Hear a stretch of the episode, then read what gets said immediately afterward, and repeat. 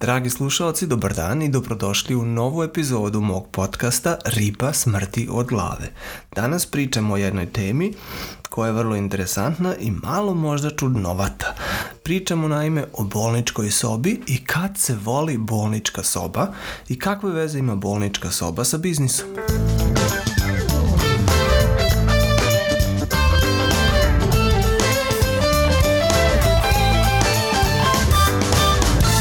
slušalci, dobar dan još jednom i dobrodošli. Moje ime je Darko Pavić i danas ćemo se družiti u ovoj interesantnoj i čudnovatoj epizodi podcasta Riba smrti od glave.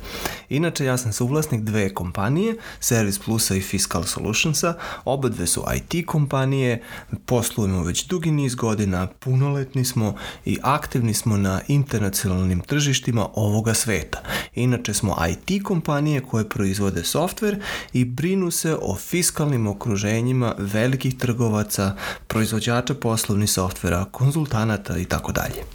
Danas pričamo o tematici bolničke sobe i siguran sam kad spomene bolnička soba već imate taj nelagodni osjećaj u stomaku, ne daj Bože da završim u bolničkoj sobi.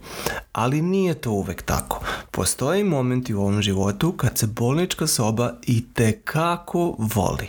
E, danas ćemo pričati o tome koji su to momenti i kada se bolnička osoba istinski čak voli i zašto je to interesantno za biznis.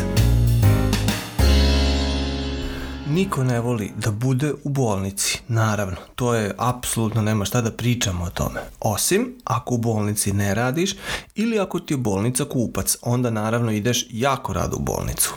U većini slučajeva ideš u bolnicu nažalost samo kad si bolestan i kad lečenje od kuće iz nekog razloga ili ambulantno lečenje iz nekog razloga jednostavno nije moguće. Bolnica može na neki način time da se smatra gradacijom ozbiljnosti neke bolesti. Kad tamo završiš znači da si već ozbiljno bolestan, da si sve probao i da ti jedina pomoć moguća u bolnici, a situacija je vrlo ozbiljna. Naravno, niko ne voli da bude u takvom stanju, niko ne voli da bude u ozbiljnom problemu, niko ne voli bolest i niko ne voli bolnice.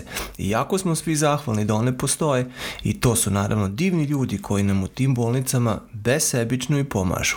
Svaka im čast i ovde na ovom mjestu vam se svima zahvaljujem. Pošto niko ne voli bolnice, onda niko ne voli ni bolničku sobu, to je jednostavno tako. Međutim, verovali ili ne, ima situacija u kojima se čak i bolnička soba jako voli. Tu se radi znači o momentima u kojima se ta bolnička soba ne samo voli, nego u onom momentu kad uđeš u nju, oblijete jedan prelepi osjećaj topline i mira, kao da si došao u prostoriju u kojoj si neverovatno dobrodošao u prostoriju u vlastitoj kući. Ta situacija nastaje čak vrlo brzo nakon samog dolaska u bolnicu. Kad ospete, e, ne daj Bože, u bolnicu sa svojom malom torbicom u kojoj se nalazi nekoliko osnovnih stvari koje ste na brzinu spakovali pre odlaska, imate prvo malo vremena da se smestite u toj bolničkoj sobi. U principu, to znači da imate malo vremena da izvadite svoji dvoje gaća koje ste poneli i da je stavite u bolnički orman, a kozmetiku da izvadite i stavite u WC. Zašto dvoje gaća? Pa poneli ste samo dvoje zato što mislite eto vas za dan dva napolju, znači nema potrebe da, da nosite više. Nedugo zatim dolaze po vas i vode vas na razno razne pretrage. Pritom, naravno, niko vam ne govori gde idete i zašto idete, niti šta će se dogoditi. Samo dođu po vas kao po zatvorenika i vi krećete od pretrage do pretrage. Ali, nakon svake pretrage, vi se vraćate u tu famoznu bolničku sobu u kojoj se ostavili svoji šest stvari, imate malo mira i čekate sljedeću pretragu pa onda ide razgovor sa doktorom, pa malo mira, pa onda ide EKG, pa malo mira, pa onda ide rengen, pa malo mira. I tako čitav dan do večeri kad sledi spavanje i odmor. A nakon tog spavanja ide sljedeći dan koji je apsolutno isti kao i prethodni. Pretraga, mir. Pretraga, mir. Pretraga, mir. Pretraga, mir, spavanje. I onda opet, pretraga, mir, pretraga, mir, pretraga, mir, spavanje kroz ovo ponavljanje, već nakon prvog, drugog dana, vi imate jako lep osjećaj kad se vraćate u tu sobu. Vi znate iz tog neugodnog, nepoznatog osjećaja koji se događa prilikom neke pretrage, jer vi je ne znate, ne znate šta će se dogoditi, bojite se nje naravno, vi znate da se vraćate u jedno prelepo okruženje mira i spokoja, u vašu sobu, u bolničku sobu i vi počinjete da volite tu bolničku sobu. I to svaki put kad se vraćate sa neke pretrage. To je isto kao kad trenirate psa, pa on nešto dobro uradi, a vi ga nagradite. On uradi nešto dobro, a vi ga nagradite. I onda on poveže to nešto što treba da uradi sa nagradom. Tako ste i vi povezali kroz ovo događanje jako brzo mir i spokoj sa bolničkom sobom. Kad je pogledate, kad je ugledate, kad ste u njoj, vi osjećate mir i spokoj. vrlo interesantno zapažanje, morate priznati. Iz ovog zapažanja, iz ove situacije, koja je by the way vrlo slična u puno životnih situacija, može se izneti, odnosno izvesti nekoliko zaključaka koji se nevjerojatno dobro mogu prebaciti i primijeniti u svetu poduzetništva u svetu marketinga i prodaje. Naime, ja ću vam izdvojiti dva koja su meni onako upala u oči kad sam razmišljao o ovoj tematici. Prvi i najgora stvar, odnosno i najgori produkt ti može postati odličan i možeš ga voleti i želeti.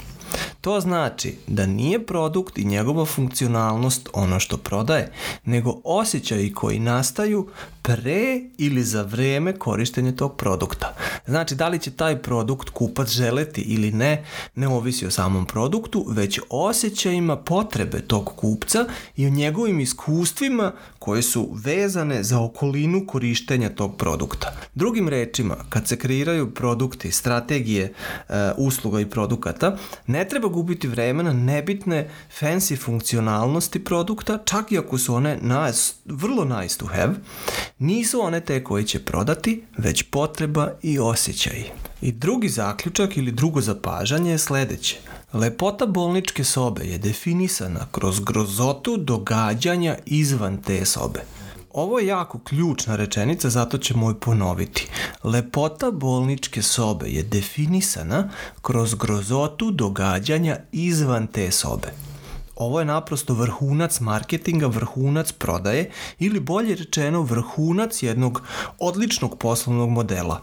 Ne kažeš ni reč o svom produktu, u ovom slučaju o bolničkoj sobi, već samo napraviš transparentnom grozotu događanja oko nje. Znači, ne reklamiraš koliko ti super tvoj produkt, kako su super te fancy funkcije koje imaš i tako dalje, nego samo pokažeš transparentno šta znači nemati tvoj produkt i kakve grozote u tom slučaju nastaju.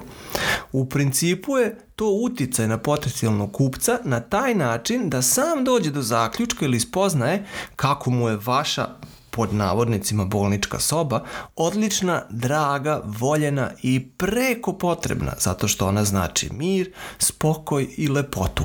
To je mesto mira i opuštanja. Pored ova dva jako važna zaključka, donosim vam i treći zaključak, kao neku vrstu bonusa recimo tako. Naime, jedino konzistentnost stvara uspeh. Znači, ni najbolja strategija na ovom svetu vam ništa ne vredi ako je ne ponavljate dovoljno dugo. A i najgora strategija, ako je ponavljate dovoljno dugo i dovoljno često, dovodi do uspeha. Znači, ne zaboravite nikad, konzistentnost i upornost je ono ono što dovodi do uspeha.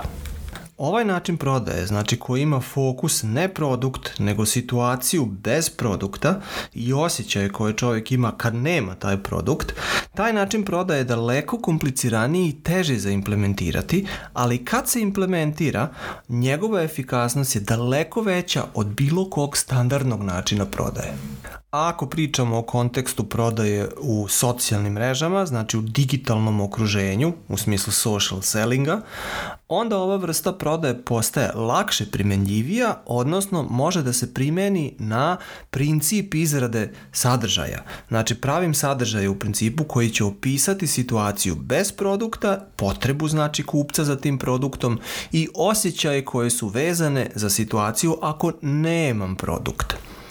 Ok, nadam se da vam se i ova epizoda svidela, nadam se da sad znate zašto su bolničke sobe u principu odlična stvar i kako se one mogu primijeniti na poslovni svet. Bilo mi je jako drago da smo se družili u ovoj epizodi i nadam se da se slušamo i u sledećoj. Lep pozdrav iz Hamburga!